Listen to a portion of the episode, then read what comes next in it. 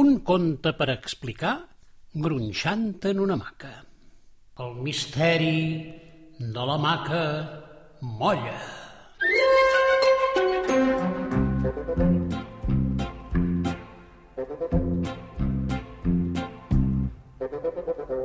Un núvol, sí, sí, un núvol vell i petit passava per allí. Portava hores i hores de viatge. Venia de xuclar aigua del mar Mediterrani per portar-la a les muntanyes i els boscos de la Garrotxa. Era un núvol que ja havia fet molts viatges. Aquell, però, semblava l'últim de tan cansat com estava. En passar per damunt el jardí de la Bruna, va veure la maca. Caram, quina maca més bonica! I si m'hi estirés una estona per descansar? No s'ho va pensar dues vegades i flonjo com era, no li va costar gens ni mica d'encaixar-se en aquell tros de roba. S'hi va estar tota la nit i de bon matí es va gronxar de banda a banda per agafar impuls i enlairar-se de nou cel amunt per seguir el seu viatge. Quan la Bruna va haver esmorzat, se n'anà directe cap a la seva maca i en estirar-se va cridar amb totes les seves forces. Pare, em vas dir que trauries la maca per si plovia. Ha plogut i ara la maca és tota molla. Ha plogut? I ara? El jardí és ben sec i no veig tolls d'aigua per enlloc. Aleshores, com és que la meva maca està molla? Potser la maca s'ha fet pipí?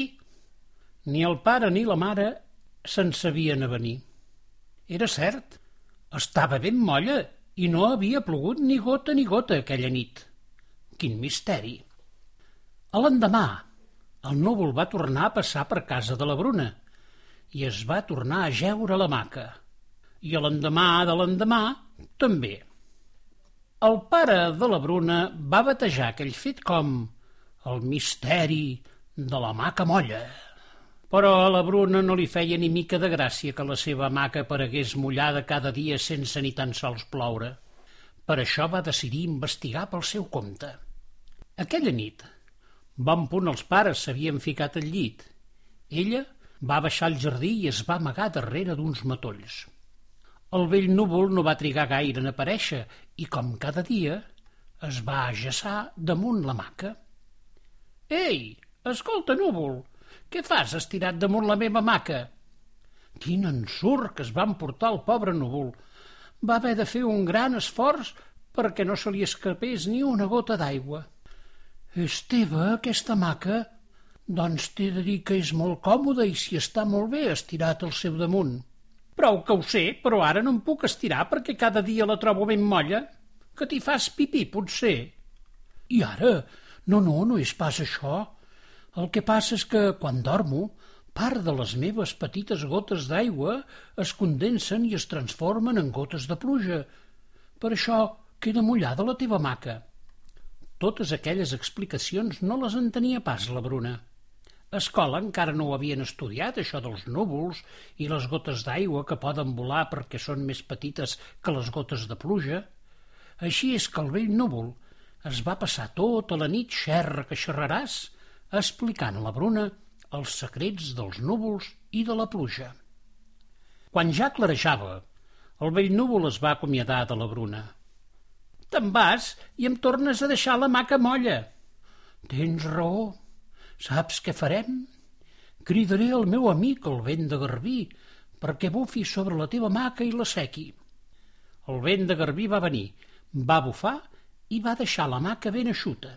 Tot seguit, el vell núvol va dir Vull agrair-te que em deixis la teva hamaca per descansar.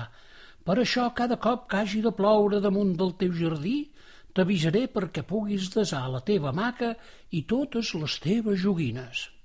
I també per no estendre la roba, oi? Ben cert.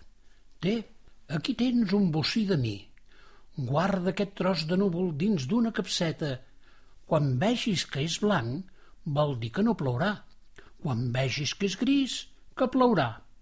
I si veus que és molt gris, molt gris, molt gris, quasi negre, vol dir que arriba una gran tempesta. I com et dius, per si mai t'he de cridar? Ai, carat, és cert, no ens hem presentat. Jo em dic Cúmulus, com tots els meus companys.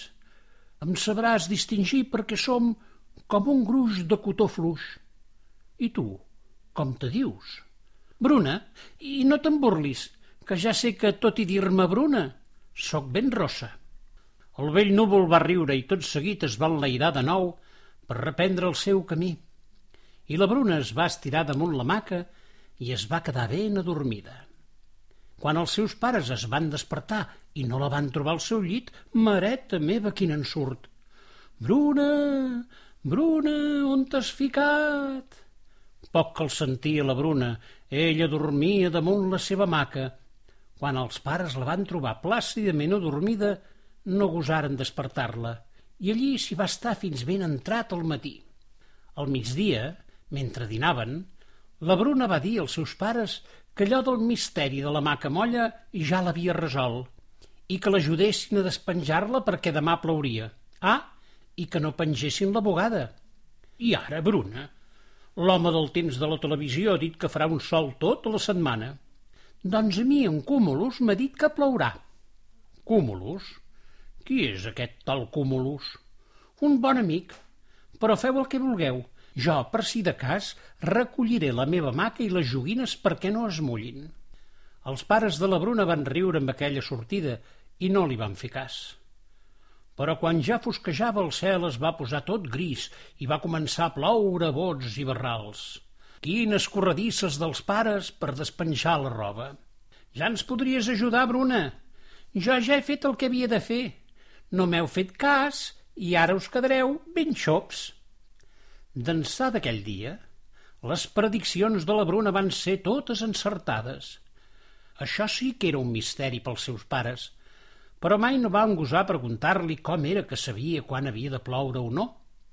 Ah, i el dia que a escola va tocar d'estudiar els núvols, la Bruna ja ho sabia tot, gràcies al seu nou amic, en Cúmulus, el núvol vell que, un dia es va adormir damunt la seva hamaca.